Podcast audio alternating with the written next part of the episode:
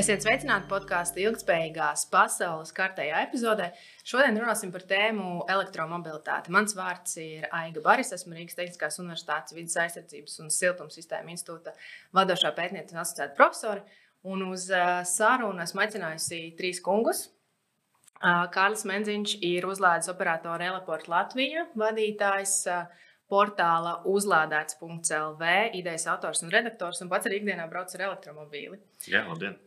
Kārli, nesenai intervijai ar tevi ir virsraksts Elektromobīļi būs vienīgā izvēle. Kā ir? Vai sabiedrība ir pieņēmusi šo domu, vai mums viņa vēl ir jāpārliecina? Ha, protams, sabiedrība nav pieņēmusi šo domu, un pārliecināšanas process būs garš, ilgstošs. Galu galā, tad, kad pieņems Eiro 7, tad arī izvēles vairs nebūs. Otrs sarunas dalībnieks ir Mārcis Avotiņš, elektromobilitātes koplietošanas uzņēmuma Fiksija vadītājs un līdziepašnieks. Māri, cik elektromobīļu jums pieder, vai var teikt, ka jūs esat lielākais elektriskā autoparka turētājs Latvijā? Nu, es domāju, noteikti. Simts elektromašīnas, ar kurām ir cik tur, man liekas, nu jau 20,000 cilvēku, kas ir izmēģinājuši ar viņām izbraukt. Es domāju, noteikti. Jā. Un eh, trešais sarunas dalībnieks ir Andris Kulbergs, Latvijas auto asociācijas prezidents. Cilvēks, kurš savukārt redz elektromobilitāti eh, tādā valsts un nozares griezumā, zina, kādas, cik daudz un par kādu cenu Latvijas iedzīvotāji pērk automašīnas un nenogurstoši runā ar politikas veidotājiem par to, kā nozarei attīstīties. Andri, ar ko tu ikdienā pārvietojies? Es īstenībā man nav viens transporta līdzeklis, bet es pārvietojos vēl ar konvencionāliem auto, jo, kā, nu, diemžēl, vēl asinīs ir pietiekami daudz benzīna. Bet nu, tā elektrība, vienā rokā ir tas benzīns, otrā jau elektrība jau sāk iezakties. Tas ir pat elektroskūters, ko es ikdienā bieži izmantoju, lai ātri tiktu tur, kur vajag un parkošanos aizmirst. Bet arī izmantoju šī kunga pakalpojums bieži, bieži vien arī. Tā kā es esmu multimobils un mm. Tāpat ar velospēdu pārvietojos. Un, jā, kas ir ērtāk? Paldies, kungi, ka atradāt laiku piedalīties. Sarunas mērķis ir atbildēt uz jautājumu, kāpēc Latvijai ir vajadzīgi elektromobīļi. Un, un centīsimies paskatīties uz šo jautājumu nu, no tādas plašas perspektīvas, gan domājot par cilvēkiem, gan, gan uzņēmumu, gan valsti kopumā. Pirms mēs ejam konkrētos praktiskos jautājumos, es jums gribu lūgt iedot tādu uh, izējas punktu skatījumu, kā jums liekas, un novērtēt, kur šobrīd esam Latvijā elektromobilitāte. Un mēs to darīsim tādā veidā, ka iedosim atzīmi no 0 līdz 10, kā, kā skolā. Uh, kamēr jūs apdomājat, uh, savu vērtējumu. Man tāds neliels stāsts no, no pašas pieredzes bija kaut kāds 2013. Laikam, gads. Es biju nesen sākusi rakstīt savu doktora disertāciju par transporta un klimata tēmu. Un mēs piedalījāmies starptautiskā projektā kopā ar Skandināviem. Bija iespēja aizbraukt laikam uz Dāniju un prezentēt savus pētījumus. Un tā skaitā man arī, un pirms manis uzstājās Norvēģis zinātnieks, kurš stāstīja, tad 13. gads, ka viņi tūlīt, tūlīt jau sasniegs savu mērķi, 30,000 elektriskie automobīļi, un sāk domāt par to, ka varbūt vajadzētu ierobežot valsts atbalsta pasākumus, jo elektromobilitāte jau ir aizgājusi tik tālu, ka kaut kāds ārējais atbalsts vairs nav nepieciešams. Un, un pēc viņa uzstājos es, un jūs saprotat, ko es varu teikt. Jums ir 30,000, mums ir 3 elektromobīļi. Tātad šobrīd ir pagājuši nu, cik 6, 8, 8, 9 gadi kur esam, kādu balvu jūs iedodat. Sākam tikai ar, ar vērtējumu, pēc tam parunāsim, kāpēc tāds vērtējums. Kārli. Nu, desmit balvu skalā es teiktu četri. Māri. Es domāju, tas, kur mums jānonāk, tur noteikti divi mēs esam labākā gadījumā sasnieguši. Andri? Es vēl knapi knap to vieninieci esam ievilkuši tā, es varētu atklāt runāt. Tā, tās nebija atbildes, ko es gaidīju. Tiešām domāju, ka mēs teiksim, 8, 9. Un ir iespēja. Bet mēs tomēr pārāk dziļi esam industrijā. Lai... Ļoti labi. Tad mēs varam arī parunāt, kāpēc, kāpēc ir vērtējumi 1, un 2 un 4, nevis 8. Kas ir tās eh, galvenās eh, lietas? Eh, varbūt sākam ar tādu valsts līmeni. Nu, pirmais ir lielākā problēma ir tas, ka mēs esam līdz 21. gadam, kā valsts, uh, vilkuši ķeksīšu, nu, kad mēs sūtījuši esam uz Briselu, kad mēs pildām visus plānus, CO2 mērķus sasniegsim, reku mums ir plānu, plānu uzskaita, punktu uzskaita, ar ko un kā mēs to izdarīsim, bet tas, ja tu ja paskatās apakaļ to tautsāniecības attīstības pamatnostādnes un arī transporta attīstības pamatnostādnes, tad mēs paskatāmies, kad nu, tie vecie plāni ir tie paši arī jaunie plāni, bet neviens no tiem plānu punktiem īstenībā nav tā līdz galam īstenots. Ja? Tas tikai aizsūtīts papīrs. Un tad tā lieta, kas tagad notikusi ar 21. gadu, tas, tas termometrs ir tajā padusē ielikts. Ja? Eiropa ir ielikusi. Pirms tam mēs varējām melot, cik viņš mums rāda, tagad viņš mums patiesībā jau ir ielikts, un tad mēs vairs melot īsti nevaram. Uh, un, jo atskaites punkts ir 21. gads. Uh, no 21. gada nāksies mums uh, teikt, cik mēs esam izpildījuši, pa cik samazinājuši. Un tā tālāk. Transporta sektors, kā Latvijā, jā, nu, ir Diemžēl nu, mēs atšķiramies no citām valstīm. Mums nav tā priekšrocība. Nu, ja mēs ņemtu tādu Vāciju vai, vai citas valsts, tur ir ļoti liela industrializācija un industrija, kā, kā ražošanas industrija, uz kuras pamata var ļoti daudz samazināt to CO2. Mums savukārt ražošana nav. Savukārt arī elektroenerģiju mēs diezgan labi iegūstam zaļu. Un tā visa rezultātā, no, uz tā fona, ka mēs esam tie zaļie Eiropā, nu, Mēs, eh, diemžēl, eh, esam palikuši pie visgrūtākās izvēles, jo visgrūtāk ir iegūt šo samazinājumu uz transporta rēķina. Jo viņš ir ļoti lēns, tā kā tanks. Ja tu viņu pagriez, tad varbūt viņš iet tajā virzienā, kur iet, bet, lai to tanku pagrieztu, ir jāpieliek ļoti liela pūliņš. Un tieši valstiskā līmenī, dēļ tā, ka mūsu sabiedrība ir ļoti inerta vai tāda, teiksim, elektroantivakseri ja, dziļā būtībā, jo mūsu autoparks ir 14,5 gadus vecs vidēji. 85% ko mēs šobrīd importējam, ir di nobrauktie dīzeļi Eiropā. Un, un tas, ko mēs ikdienā saskaramies, ir ļoti tālu no elektroautorāta, bet viedoklis mums visiem ir. Ka tas ir slikti, tas nekur nevar aizbraukt, tam, tam nav nākotnes, es, es nevaru savus teiksim, komfortu vai savus paradumus mainīt. Viedoklis ir ļoti kategorisks pret. Es to salīdzinātu ar 1884. gadu, kad bija lielais, lielo zirgu mēslu uh, ēra, uh, krīze, uh, kurā mirklī praktiski pilsētas slīka uh, dzīvos, dzīvos zirgu mēslos. Uh, Pilsētas bija ļoti attīstījās, dzirgu transports kļuva par galveno asinsriti, lai piegādātu pilsētas teiksim, ikdienas darbību, bet tāpat mirklī izmeši bija šie dzirgu mēsli, kas bija tādā kvantumā un apjomā, ka praktiski galvenāja nost veselu pilsētas iedzīvotājus, un risinājumu nebija. Un tam visam palika 20 gadus vēlāk, un pēkšņi vairs nevienu zirgu nevarēja atrast uz pilsētas ielām. Tā jau bija ekskluzīva lieta. Un to visu nomainīja automašīna. Tieši ar to pašu mēs šobrīd diskutējam par tieši tādām pašām valstiskām problēmām, par šo piesārņojumu. Labi, mēs viņu neredzam vizuāli kā zirgu mēslus uz ielas, bet patiesībā tas ir tas, ar ko mēs cīnāmies, ko mums vajag samazināt.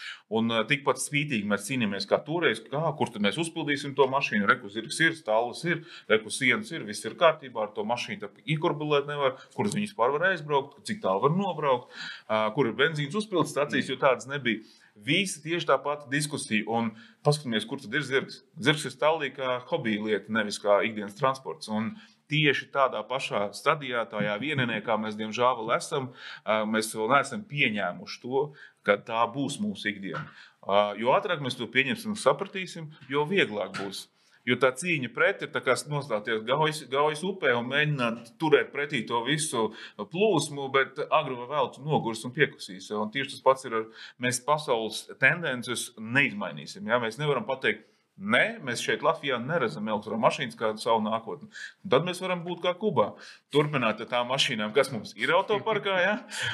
viņas eksploatēt, uzturēt tehniskā kārtībā un mēģināt eksistēt. Bet tas nav tas ceļš, kur mēs labprāt gribētu nonākt. Ne jau Kubā viņi to dara, tā ka viņi smuki izskatās, bet tā vienkārši, viņiem nav citu iespēju. Un tāpēc mēs autoindustrijai pretī nenostāsimies. Autoindustrija pateikusi jau fināla vārds ir pateikts. Gads pat ir skaidrs katram, katram teiksim, spēlētājam tirgu. 100% iekšzemes zinājums ir jau miris šobrīd. Mēs to varam jau definēt. Jautājums tikai, cik ilgi viņš to izvilks vēl tālāko savu epopeju, bet viņš ir miris. Visu, jo autoražotāji neredz vairs uh, vajadzību vai, vai iespējas uh, savu biznesu veidot nākotnē uz, uz tās bāzes. Tāpēc um, no valsts viedokļa jo ātrāk sapratīsim, jo ātrāk izveidosim politiku, jo ātrāk tam sagatavosimies, jo labāk.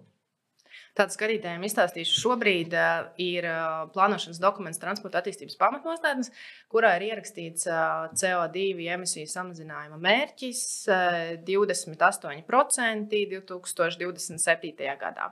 Ko nozīmē 28%? Tas ir uh, 9000, aptuveni 45, uh, 945 tūkstoši tonnas CO2 kas ir pēc taviem aprēķiniem šķiet divas trešdaļas no automašīnas. Nu, ja tas viss būtu jāiznes, ja viss šis teiksim, Jā. sloks būtu jāiznes transporta sektoram, tad divas trešdaļas no autoparka esošām automašīnām visām vienkārši būtu jāizslēdz dzinējs, jānoliek pie sēdes un jāiet ar samakāt tālāk uz priekšu. Nu, tā, tāda būtu tā realitāte. Un tas viss ir jāpanāk cik atlikušos gados. Ja? Uh, nav. Ja mēs, ja mēs gribam kaut ko valstiskā mērogā ieviest, pirmais jau ir birokrātijai jāiziet cauri, pēc tam ir jā, jā, fiziski tas jāsāk darīt. Atlikušais laiks, pamatnostādnes mums eh, satiksmes ministrija saka, ka mēs to sasniegsim ar sabiedriskā transporta palīdzību. Jā, tas ļoti labi īstenībā. Tas nav slikti doma. Tā ir. Un arī ar kāršēriņu būtu ļoti labi doma to visu panākt. Bet tam visam ir jābūt jau gataviem plāniem desmit gadu apgabalā, nu, minimums pieci gadu apgabalā. Es domāju, arī, ka, ka tā izpratne varbūt pietrūks par mērogu, kādā mēs runājam. Uh, Jo jāsaprot, lai kaut kas mainītos emisiju bilancē, tad elektromobīļiem nepietiek ar 2000, nepietiek ar 5000, mums vajag 70,000 elektromobīļus. Tas ir pilnīgi cits apmērs. Bet vēl es gribēju pajautāt, tu iezīmēji tās galvenās problēmas, ka autoparks ir vecs un ka mums ir mežonīgs lietotu automašīnu imports. Ko darīt? No, nu, pirmkārt, kas, mēs jau neesam vienīgie, kas cīnās ar šo problēmu. Rietuma Eiropa vienkārši laicīgi jau sāka, jau diezgan nu, piecus gadus atpakaļ nopietni pie tā domāt. Visas šīs atbalsta programmas, kas no iepriekšējām krīzēm bija, kurā nododu savu veco transportu samainu pret jaunāku. Latvijā īstenībā, ja lai, lai runātu par mērķu sasniegšanu, Elektromašīnas ir tas, kam ir jāgatavojas, bet viņas šobrīd neizglābs nekādu Latvijas teiksim, rādītājs. Tas vienkārši nav iespējams. Vidējais Latvijas nevar nopirkt šobrīd elektroautomašīnu tādā masveidā, kā tas būtu vajadzīgs. Tāpēc, ja mēs vispār matemātiski gribam kaut ko izdarīt, nu, emocijas noliekam malā, tikai matemātiski, tad uh, mums ir jāpāriet uz uh, ekoloģiskāku, arī iekšzemes zinēju automašīnu. Vienkārši jaunāk, ekoloģiskāk. Tas jau nozīmē, pēc definīcijas eiro normas jau mēs uzlabojam vidējo vecumu arī parkā. Mēs jau matemātiski samazināsim ievērojami CO2 izmešu un arī vispārējo teiksim, daļiņu vai piesārņojumu apjomu. Tāpēc tā atbilde būtu bijis, ka jādomā par filtru, kādas mašīnas pie mums nonāk. Jo Rietumē Eiropa no viņiem atbrīvojās. Mēs ar aplastām rokām lūdzu, dodat iekšā. Mēs to redzam pēc statistikas datiem. Vidējais vecums par ievestām mašīnām ir 12 gadi vecs, ko mēs importējam katru gadu. Tad mēs vecinām savu autoparku. Un 85% no tā ir dīzeļi, ja? uh, kurš savukārt Eiropa grib tikt no viņiem vaļā. Uh, pie mums, mūsu apstākļos, dīzelis nav objektīvs. No, uh, savā teiksim, matemātikā. Nu, viņš ir dārgs eksploatācijā, viņam ir vajadzīgi daudz kilometru, lai viņš sevi attaisnotu. Gan pirkumā, gan eksploatācijā. Latvijā cilvēki nebrauc daudz. Vidējais Latvijas nobrauc 14,500 km gadā. Nu, tas, tas ir viss. Un, tāpēc, jā, elektromašīnām jāgatavojas, bet jābūt filtram, ko mēs laižam sev iekšā. Jo mēs vienkārši attālinam šo problēmu, jo mērķa sasniegšanu to, ko mēs šeit ieliekam. Parunāsim par izmaksām. Tas galvenais arguments, kāpēc e, droši vien daudziem nepirkt elektromobīlu vai, vai arī vienkārši jaunu automašīnu, ir cena. E, Mārī, kā tev, kā uzņēmuma vadītājiem, mhm. e, vai tu redzi ieguvumu elektromobīļiem ekonomiskā ziņā? Nu, kā skaties, ja, ja mēs skatāmies, teiksim, cik maksā degviela, cik maksā elektrība. Teiksim, tu, faktiski nu, tas, ko mēs esam novērojuši, ka nu, to pašu kilometrāžu nobraucot, Ziemā tā starpība pat pie jebkādām zemākām, augstākām degvielas un elektrības cenām ir tāpat divas reizes lētāk sanāk braucot ar elektrību. Vasarā īstenībā tā starpība izskatās, ka viņi ir pat vēl lielāka. Gandrīz trīs reizes tā starpība ir. Un, faktiski teiksim, tā ir tā, nu, ja mēs skatāmies uz autoparka pārvaldīšanas izmaksām, tā ir tā viena teiksim, lieta. Tā kā, ja tu brauc daudz, nu, tad vispār neatmaksājās droši vien braukt ar iekšzemes dzinēju mašīnām. Savukārt, otra lieta, kas elektriskām mašīnām tomēr ir, nu, manuprāt, atšķirīga un kas droši vien arī būs atšķirīga nākotnē, ka tur tomēr ir salīdzinoši mazāk to detaļu, kas visu laiku ir jāmaina. Tur nav kaut kādas zobsiksnes, tur nav, teiksim, visas tās teiksim, filtri jāmaina. Uh, nu, tieši tādā veidā teiksim, nav izpūtējis, kurš ik pa brīdim sarūsē droši vien. Katalizatoriem? Nu, jā, un tādēļ arī, teiksim, ja mēs skatāmies pat teiksim, jaunām mašīnām, tad pat jaunām mašīnām pirmajos 3-4 gados tāpat tās, tās izmaksas, kas ir servisā, teiksim, viņas ir mazākas elektromašīnām nekā viņas ir iekšzemes mašīnām. Nu, trešais no uzņēmuma viedokļa, nu, teiksim, mēs varbūt nodarbojamies ar šo nomas biznesu, bet, ja jūs teiksim, esat vienkārši uzņēmums, kurš nu, izdomā tagad, uh, ņemt teiksim, elektromašīnas, tad, uh, tad arī šī nodokļu politika nav teiksim, jāmaksā šis uzņēmuma nodoklis, teiksim, kas tur var būt pat no 28 līdz pat, liekas, 84 eiro. Elektromašīnām tas ir 10 eiro. Tā kā faktiski ir virkni teiksim, tādu izmaksu, kas, nu, kas ir jā, tas labums. Tad savukārt, vien, protams, tas, par ko jārunā, ka teiksim, tā iegādes cena šobrīd ir, nu, teiksim, ja mēs līdzinātu līdzīgas mašīnas, tad tā starpība ir apmēram 10 000 eiro, varbūt pat bišķi vairāk. Bet šeit atkal, nu, tas jautājums ir, atkal, nu, ja, teiksim, ja tas jūsu bizness, piemēram, ir Rīgā, un jūs daudz izmantojat kaut kādas teiksim, publiskās stāvvietas, nu, tad elektromašīnām tas ir bez maksas. Otrs, teiksim, ja jums tiešām ir jāpārvietojās, un jūs savu laiku skaitat, nu, nezinu, cik tā stunda maksā, tad, protams, elektromašīnas teiksim, bonus tas, ka tu vari braukt pa sabiedriskā transporta joslām. Teiksim, viņš, Covid laikā varbūt viņš nav tik liels, bet tajā brīdī, tad, kad ir sastrēgumi, tad īstenībā tas ir diezgan nu, saka, ievērojams bonus šobrīd. Teiksim. Protams, jā, pēc gadiem, pieciem droši vien, ka tur kaut kas mainīsies, bet šobrīd elektromašīnu nav tik daudz. Tāpēc es domāju, ka tās, tās priekšrocības varētu saglabāties. Nu, un arī jā, nu, reģistrācijas brīdī tur ir teiksim, šīs izmaksas, kuras nav jāmaksā elektromašīnām, bet nu, kuras ir jāmaksā iekšzemes dzinēju mašīnām. Nu, un, protams, man liekas, ka ilgtermiņā tā Tas labums būs tāds, ka droši vien ar katru nākošo gadu iekšzemes dzinēju mašīnām teiksim, šis ceļu nodoklis vai šie nodokļu maksājumi ies uz augšu. Savukārt, es domāju, vēl kaut kādu laiku elektromašīnām teiksim, tas ne, nemainīsies. Nu, tad pēdējais no tādas operēšanas viedokļa, man liekas, tur varbūt Kārlis var padalīties vairāk, bet nu, ar elektromašīnu tev mainās tas tavs dzīvesveids. Tas, protams, nemainās ar to, ja tev ir simts elektromašīnas, tad var braukt ar katru no viņām. Bet man ir bijuši teiksim, gadījumi, kad es ar vienu mašīnu, piemēram, braucu teiksim, nedēļu pusotru, lai saprastu, kāds ir tas veids, kā tu pārvietojies. Un tad īstenībā tu sāc saprast, ir kaut kādas vietas, kurās tu lādējies. Un tu vienkārši, nu, nezinu, piemēram, mums tepat netālu no RTU ir Olimpijā mūsu lādētāji. Nu, tu iebrauc iepirkties, ah, tur redz, 3, 5, 40 minūtes, tu piesprāst lādēties, tad 30% palielinās, pie, pieaug baterija. Un tu sāc saprast, ka īstenībā, jā, varbūt man vajadzētu vēl tur, tur un tur lādētāju. Un es vispār aizmirstu par tādu ideju, ka man ir jālādē. Jā, tad būs kaut kāds brauciens, nezinu, tā kā man bija brauciens Rīga, Prāga, Prāga, Rīga ar elektromašīnu. Nu, tas bija piedzīvojums, jā, bet tā, arī to pat, vairāk. nē, nu, pat arī to var realizēt. Nu, man vienkārši bija tāda, jau tā kā es senāk dzīvoju Prāgā, es domāju, nu, vai var aizbraukt, vai nevar aizbraukt. Nu, un, uh, faktiski var, jā, kopējais ceļojums bija 2700 ar kaut ko kilometru tur papakaļ, ar dažādiem, protams, piedzīvojumiem pa vidu. Uh, Bet, nu, jo tālāk brauc teiksim, uz Rietumu Eiropu, jo tā infrastruktūra uzlādes palika ar vien attīstītāka un attīstītāka. Nu, ar vien vairāk teiksim, bija šo lādētāju. Bet idejaski, jā, nu, teiksim, šāds ceļojums vienā virzienā 1350 km.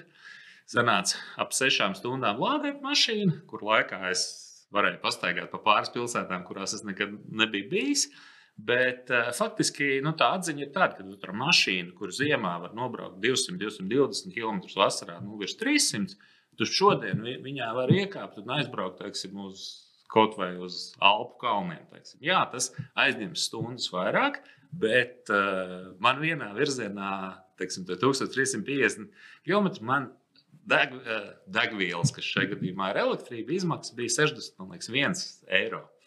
Ja es būtu braucis ar nu, jebkuru klasisko mašīnu, tas cipars man liekas, būtu bijis gandrīz reizes trīs, jo nu, degvielas cenas jau ir ievērojami. Tā kā, nu, jā, tā kā tas viss ir teiksim, realizējams, un pat redz, nu, teiksim, tā kā, nav tā kā senāk, ka, tā, kad tu brauc kaut kur, tad elektromašīnas maršruts bija bez mazliet tā kā lidmašīnai jāsarēķina viss, vai tu tur pietiks. Šeit tu vienkārši iekāp brauc, tev ir, nu, teiksim, katrā valstī viena aplikācija, un viss strādā. Es domāju, tagad ļoti, es domāju, tagad ir tas psiholoģiskais mirklis, kad ļoti dod pa galvu tās cenas, ko tu redz benzīna tankā. Mm. Benzīna tankā tas pats, kas notiek ar mājas elektrības cenu, viss ir tādā pirmajā starta pozīcijā uz saules paneļiem. Tieši tāpat cilvēki jau ļoti aktīvi smadzeņo un, un kalkulē. Problēma ar Latviju ir, ka viņš joprojām iegādājas mašīnu ļoti emocionāli. Latvijas nerēķina gandrīz necik. Tā vidējais Latvijas, kas pērk Latvijā mašīnu, viņš nerēķina. Tāpēc mēs redzam tādas nu, teiksim, pirkums, kas varbūt Rietumē, Eiropā mēs tādu video parku neredzam. Tad mēs šeit redzam brīnums, ja, kur cilvēks no nu, savu ikdienu.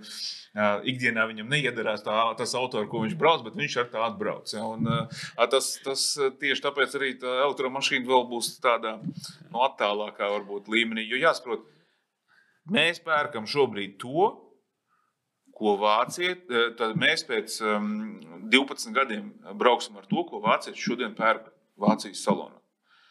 Vācijas salonā tiek pirktas kādas mašīnas, nu, 20% no tām ir elektro, pārējais attiecīgi ir diezgan ievests 32% um, ir dīzels un, un, un pārējais ir benzīns. Tas ir tas, ko viņš pērk, un tas ir ar ko mēs brauksim. Tāpēc tas elektroautorāta ienākšana nu, tik strauja nebūs, jo kas ir? Tās lietotās elektromašīnas, kas ir pieejamas, neatbilstam latviešu kumosam, ko Latvijas pērk. Tas latviešu vidējais auto nav tas, ko izlaida ražotāji kā pirmās elektromašīnas. Tikai tagad parādās apvidus segmenta elektroautomašīnas, kas ir tipiskā latviešu pirkums. Ja? Viņš, viņš ar to mazo negrib braukt, viņš vienkārši negrib viņā sēdēt. Vēl ir arī fakts, ka vecākais elektroautorāts joprojām nav 12 gadus vecs. Arī fakti. Bet man liekas, tur tomēr tas viens, protams, ir visi tie racionāli apsvērumi, bet otrs, man liekas, ir tāds iracionāli. Kas tad tas elektromašīna ir? Nu, piemēram, pāris klienti, kas mums ir zvanījuši, nu, ot, ko viņi prasa. Viens prasa, vai var paņemt līdzi rezerves bateriju. Priekš kam tā rezerves baterija, nu, jo viņi Tā parastā baterija sver 300 pār kilogramus. Viņa ir tāda, ka nu, tur, kur tu viņu vēl. Un uh, viņš saka, nu kā man tur vajag vat līdz kuldīgai un atpakaļ. Man liekas, ka neaizbrauks ar vienu bateriju. Es saku, nu kā, bet tur taču ir, ah, tad ir lādētāji ar pa ceļam vēl. Un man liekas, ka, teiksim, nu, kamēr tu tiksi prom no šādiem aizstāvjiem. To, to nu, elektrokaniņu vajadzēs. Nu, daudz, daudz gribēs viņam, nu, kad viņi ir drošībai, tur elektrokaniņi. Nu, jā, nu, tā kā. Pasakiet, labi, 50 eiro un tukša čaula vienkārši. nu, bet, jā smaga. Prasa, vai varēs uz Bausku aizbraukt atpakaļ, neuzlādēt. Un tu viņam saki, nu jā, nu es līdz viņai aizbraucu ar vienu bateriju, man palika, nu labi, vasarā tas, protams, bija viss. Ka... Bet, nu, man liekas, ka ir tas, nu, tas, tas aizspriedums, ka tās mašīnas varētu iet tur. Visi jau saka, simtiem, simtiem kilometru, bet droši vien jau viņas īstenībā ir 40 km. Neviens vienkārši par to nerunā. Un man liekas, ka tas ir tas, jo vairāk cilvēki izmēģina, jo vairāk viņi saprot, ka tur es nav tā. Nu... Es esmu rīktīgs benzīna galva. Lai man pārliecinātu uz augstu, nu, baigi grūti. Bet darba vajadzībām es katru mēnesi atrodos Holandē, tad Polijā, tur kur. Un Holandē tipiski, es ja Rentekāra uzņēmumā es speciāli mēģināju, nu, piespiest sev pamēģināt šīs visas automašīnas. Mm. Man nav kā benzīna vai nekāda argumenta. Man reāli nav nekāda argumenta pret automašīnu. Viņi, viņi, viņi izdara to daudz labāk nekā jebko citu, ko tu iedomājies. Ir tikai vajadzīgi vairāk tādu uzņēmumu kā tu, Mm -hmm. Ir tavs uzņēmums, kurš vienkārši ieliek tos anti-elektrovakserus iekšā tajā elektromašīnā, ka viņi spiež pamēģināt, ka nav jāpērk. Es viņš vienkārši pamēģinās elektroautorātu. Nerūc, nav smaržas, nu, aromāts smaka, kā, kā viņi nosauks to. Un tagad tu nosēdies, izspied pedāli, tad nodas Fakts. Un tur ir problēma tiem cilvēkiem, kam ir kam katrs čirkstoņa, plasmasas graboņa, mm. tiem būs ļoti grūti. Tie vienkārši tu visu dzirdi. mm. Tagad man pirmā mašīna, bija, tur skaņas izolācija bija mīnusā, nevis plusā. Tad es nobraucu nedēļu un aizbraucu uz servisu, tā kā sakot, kaut kas dzirdat, kaut ko labajā pusē dzirdat. Ne, tur viss kārtībā, tur, tur viss tā kā jauna mašīna. Kaut, kaut kas tur nav. Tad es sapratu, es dzirdu riepas. No, jā. Jā, Nē, bet šis ir. Mēs tagad sanāk, divas ziemas esam saka, noprējuši. Pirmajā ziemā bija cilvēku, kas teica, jā, jā, vasarā viņi viņu izmantos, bet nu, ziemā nu, tur taču droši vien kaut kas nestrādās. Kaut kas. Un vēl labi trāpījās mīnus 25. No. Tā aizpagājušā. Nepalaidīsies. Nu, jā, nu, principā nevi, neviena mašīna neapstājas dēļ tā, ka tur būtu mīnus 25, jo tur jau viss daudz vienkāršāk. Tur nav eļļē, kur sabiezēt. Šī tā ziemā nu, jau divreiz lielāks. Nu, Tev dienas tā ir powerbanks mašīna vai powerbank? Nav? Nu, nav tāda. Jā, diemžēl mēs piesprāžam pie vāda un tad viņa ir aiziet. Bet es saprotu, fiksi klientiem un jaunajiem klientiem noteikti interesē, man interesē tāda lieta. Mm -hmm.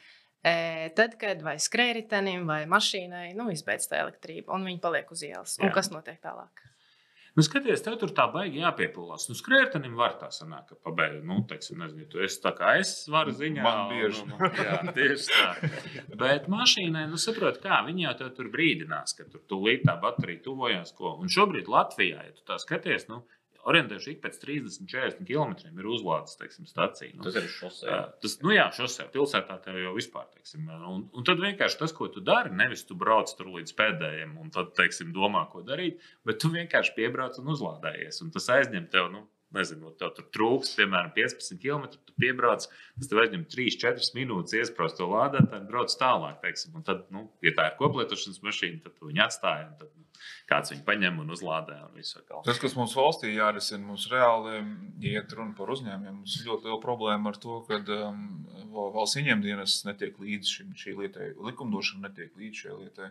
Piemēram, uzņēmums šobrīd reāli nevar uh, norakstīt izdevumos uh, elektrouzlādi, kura nav veikta konkrēti elektrotankā. Ja? Un tā ir mm. problēma. Un, un, mājās darbiniekam nevar kompensēt par to, ka viņš piesprādzis lēnai rozetē, jo elektromašīnas būtība pēc būtības ir lādēt lēti un lēni.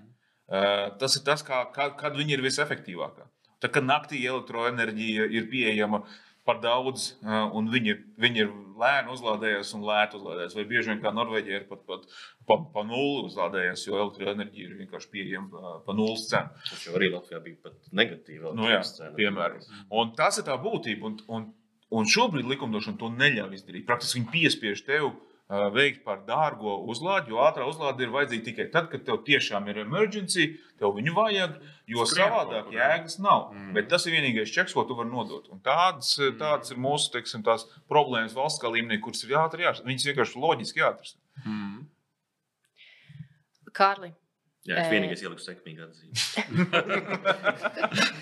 paldies tev. Elektromobilitāte saka paldies.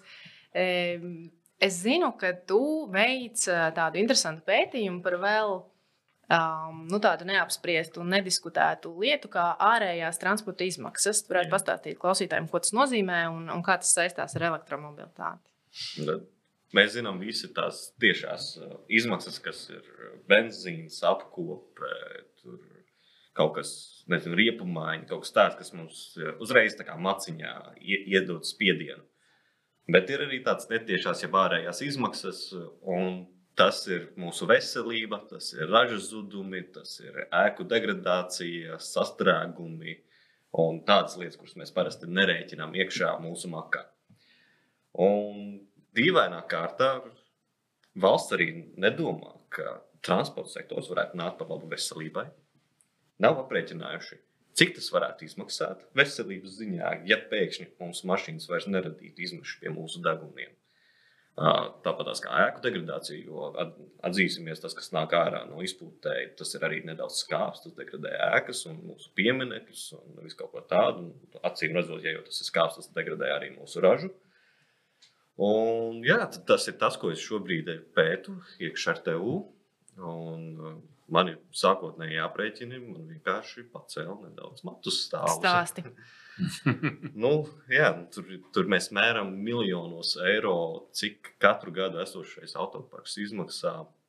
Uh, diemžēl man pēkšņi cipari izkrita no galvas ārā, bet tiešām no valstiskā aspekta, ja mēs pārējām kaut vai par trešdaļu uz elektrību, nu, Nu, ne, neteiksim, ka tas būtu baterija elektriskais, kaut vai ūdeņraža elektriskais. Uh, tad tur mēs desmitiem miljonus ietaupām. Ja es pareizi atceros tagad no galvas, tad 68 miljoni eiro katru gadu aiziet uh, šajā virzienā kā netiešās izmaksas. Un, attiecīgi, ja mēs pārējām pilnīgi uz elektrību, ir, ir ārējās izmaksas arī. Protams, riepas dilst, uh, bremzes nedaudz arī tiek lietotas. Uh, infrastruktūra jauna ir jāizbūvē. Tas viss ir, protams, ar spiedienu uz nu, šāda veida aspektiem. Tad ir nevis šie 68 miljoni, bet 14 miljoni eiro. Un tur es vēl argumentēju, ka infrastruktūra īstenībā ir vienreizēja investīcija. Līdz ar to tu vienreiz to izdari, un pēc tam tu vairs to īsti neēsties, tikai uzlabo. Tas varētu būt pat krietni zemāks. Var te pieminēt vēl vienu lietu, manuprāt, kas. Um Te ļoti politiķi ir, ir, ir iesaistījušies šajā diskusijā. Viņiem ļoti patīk argumentēt ar vienu argumentu. īpaši pret šīm subsīdijām, kas ir elektromašīnām. Kāpēc mums te ir jāsubsidē Vācijas un Eiropas autobūvas uzņēmumi, šī visa nauda jā, jā. aiziet prom? Mēs nerunājam par vienu tik svarīgu lietu, un tas ir pat drošības jautājums, un tas ir arī naudas jautājums. Mēs šobrīd pa mūsu veco autoparku katru eiro, ko mēs ielējam degvielu, mēs aizsūtām ārpus Latvijas robežas. Tā nauda aiziet ne tikai kaut kur neintraukti, viņa aiziet šobrīd, kā mēs redzam, okupantu teritorijā. Ja? Tieši un patiešo, teiksim, vairo okupanta uh, finansiālos resursus. Un mēs esam atkarīgi no tā. Mēs esam atkarīgi no šī krāniņa, par cik šīs cenas biržā notiek un kas ar to notiek. Savukārt, ja mēs politiski izvēlētos vienkārši mums drošāk un labāk valstiski ir viss autoparks elektronisks. Kas notiktu? Mums nebūtu jāimportē šī nafta. Mēs varētu domāt par zaļo elektroenerģiju. Mēs to naudu atstātu sev ekonomikā iekšā, jo elektroenerģijas ražošana mēs dažādos veidos vai saucamos iekšējos oikus, bet, bet vismaz tā nauda paliktu iekšējā ekonomikā. Mēs vienkārši neatdot viņu prom. Un tas, ko Vismaz mēs ne tādos apmēros. Ne tādos apmēros. Tas, ko mēs iedotu Vācijas koncernam par to, ka no viņiem nopērkam jaunu mašīnu, ir daudz mazāk nekā tas, ko mēs katru dienu benzīnu tā kā atdodam. Un es, es šīs aspekts vispār mm. netiek daudz kur apspriests. Tas ir drošības jautājums. Mums vairs nevar neviens šantažēt par to, ka būs jums gāze, nebūs jums gāze, būs jums nafta, nebūs jums nafta. Ja? Šeit jau paliek viens faktors - elektroenerģija un kā mēs viņu ražojam. Un te mēs redzam, arī šobrīd valdībā ir ļoti krasa diskusija, kā mm. strauji to izdarīt, bet tad mums vairs nav otra faktora, par kuru jārunā. Un, uh, tas, manuprāt, ir vēl mm. tāds mm. Aspekts vispār Eiropā. Moments, jā. Nu, tas beidzot ir. Kas ir arī liekas, labi, ko mēs pēdējo tieši 2-3 nedēļu laikā jūtam, ka ir virkni liela kompānija, kas tagad saka, ka viņu darbinieki saka, kāpēc mēs, mums tagad vajag atbalstīt to, ka mēs Nevis mēs braucam ar vecu, teiksim, dīzeļu, teiksim, taksi, bet mēs braucam ar uh, elektromašīnu. Man liekas, ka tas varētu īstenībā šis, nu, kas zin, kā visās sliktās lietās ir kaut kāda zelta maliņa, teiksim, tad tas varētu būt viens no tādiem grūdieniem. Tomēr, jo, nu, saka, vēlēšanas tuvojās, droši vien, ka teiksim, šajā virzienā tomēr būs jārunā. Jo nu, visticamāk, ka pretējais virziens, nu, kā, jau, kā tu saki, viņš jau ir mīris garantēti pēc pāris gadiem. Vienkārši tagad ir iespēja to. Šobrīd ir vismaz jā. arī šis, diemžēl, kara apstākļi ir radījuši arī publisko sabiedrības nostāju daudz krasāk. Sabiedrība ir mhm. ieinteresēta vai interesējas par šo topiku. Līdz tam vienkārši viss klapēja ar ausīm, un politiķi vienkārši šos papīrus uz Briseles sūtīja, jo nevienam tas jautājums neinteresē. Mm. Latvijas politiķiem neinteresē. Mums ir ļoti liela atšķirība. Mēs redzam, kā Vācijā politiskās partijas šobrīd cīnās par vēlēšanām. Tad tur šī zaļā komponente ir viena no svarīgākajām tēmām priekš sabiedrības. Mūsu sabiedrībā šī tēma vispār neeksistē. Godīgi viņi neeksistē. Viņi eksistē ļoti mazā sabiedrības uh, slānī, pārējā slānī. Vienkārši brutāli uzskata to par kaut kādu zaļo fašismu. Ja. Oi, man ir nosaukuši par fašistu, komunistu, zilas daļas. Tad mēs nepieprasām no politiķiem nemaz to, ka viņi lemtu tajā virzienā. Bet, ja mēs vairāk domātu par šodienu, nevis šodien, bet rītdienu, iedomājieties, kādu labumu nāktu īstenībā. Kā mēs to naudu varētu apgrozīt iekšpusē. Mums vairs nevarētu šantažēt. Mēs, mēs domājam, mēs jau būtu zaļi un, un veselīgāki. Ja? Un viss, viss šis pavēl līdz daudz ko. Un arī mēs mācētu, iemācītos ražot uh, elektroenerģiju, kur uzglabāt, būtu ūdeņradī, teiksim, ieguldīt, kur, uh, kur, kur mēs varam uzglabāt savu uh, enerģiju. Ja? Mums nav jāpērk tur. Un, un, un tajā mirklī mēs varam sākt eksportēt, ja mēs esam gudri ražošanā. Tas ir tas jautājums, skatīties plašāk, varbūt ne tikai savā maciņā un redzēt izdevumus, bet redzēt arī e, sev labumu veselībai, teiksim, valstī labumu, attīstot arī tā skaitā industriju, rūpniecību, mašīnu būvi, kāpēc ne arī visas iespējas, digitālajie risinājumi. Tas ir tas viss, ko mēs varam darīt. Um, saruna ir ārkārtīgi interesanta ar jums, kungi. Mēs varētu turpināt uh, vēl, bet uh, šodien podkāstu laiks ir beidzies. Uh, Atgādināšu, ka mēs runājam par elektromobilitāti ar tādu fokusu uz automašīnām, bet, protams, ka elektromobilitāte ir arī mikromobilitātes rīki, velosipēdi, skrejriteņi, arī elektriskais sabiedriskais transports. Droši vien, ka, ka šīs tēmas e, pietaupām nākamajai reizei. Mēs sākām ar ciparu, un es jums lūkšu vēl vienu ciparu. Tagad iedomājamies 2030. gads. Cik elektromobīļi būs Latvijā? Kārli. Jā, tūkstošos. Kā tu domā? Cik starp citu ir šobrīd? Šobrīd ir 2000 rastīti. Tur tāds 0,2% no autoparka. Bet uh, es tā domāju, ka 30. gadā, ja mēs skatāmies procentuāli starp jaunajām mašīnām, būs tuvu 90% no tā, kas tobrīd tirgosies, būs pilnīgi elektriskās. Tur kaut kādas tur astītes būs, tur plug-in hibrīdām, kaut kas būs parastajam hibrīdam. Tāda tīrā iekšzemes dzinēja, kā tāda ap to laiku diez vai būs. Uh, varbūt 0,5%. O, bet tīri elektroautorāta skaita ziņā mēs varam runāt tuvu 100 tūkstošiem, kas tik vai tā nebūs uh, ievērojams no lielā, no lielāka vēruma. Tur būs aptuveni 15% no lielā autoparka. Mārko, ko tu saki? No 100 tūkstoši tas ir ļoti. Būtu foršs mērķis, ja sasniegtu, bet es domāju, būs bijis mazāk. Es domāju, kaut kādā tomēr 60, 70 tūkstoši. Jo tā ieskriešanās mums iet ļoti grūti. Manuprāt.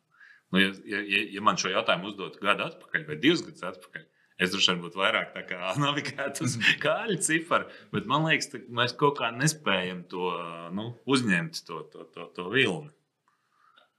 Ja mēs redzam, kā tas iet šobrīd, un neko nedarām, un turpinām uz Briselu sūtīt vienkārši papīrus bez seguma apakšā, bez plāniem dzīvē, uh, to paķomkinu sāģi tikai būvētu, tad patiesībā tas cipars ir gaužām maziņš. Viņš tad ir 18, 20 tūkstoši. Bet, ja mēs tagad pieplokam ar atbalstiem, Un es domāju, ka šobrīd ir ļoti būtisks notikums, kas ir notikuši, kas ir saliedējuši Eiropu un, un vienots lēmums beidzot pieņemt. Tad, kā piemēram, mēs atsakāmies no gāzes līdz gada beigām, ievērojamā daudzumā ļoti liels būs akcelerators pedāls uzspiest uz zaļo enerģiju. Tad šie ģeopolitiskās jautājumi, it sevišķi, ka mums ir degvielas ziņā atkarīgi esam no pārāk daudz Eiropas tiek teiksim, diktēts. Es domāju, ka tas iedos to grūdienu vajadzīgo, un arī sabiedrība ir sākusi domāt, jo benzīnēkos mēs redzam, kas notiek. Tad šie notikumi eh, ļoti ievērojami var ietekmēt to rezultātu. Un tāpēc es eh, līdz šai, šīm notikumiem es teicu, ar atbalstiem 30 tūkstoši, bet uh, ar šī brīža atbalstiem mēs varam nonākt pie 90 tūkstošiem, 100 tūkstošiem. Nu, ko tad ceram no nesekmīgā divnieka vai trīnieka, kāds mums vidēji sanāca? Tik līdz 100 tūkstošu elektromobīļu 2030. gadā. Paldies, ka klausījāties un uz redzēšanos!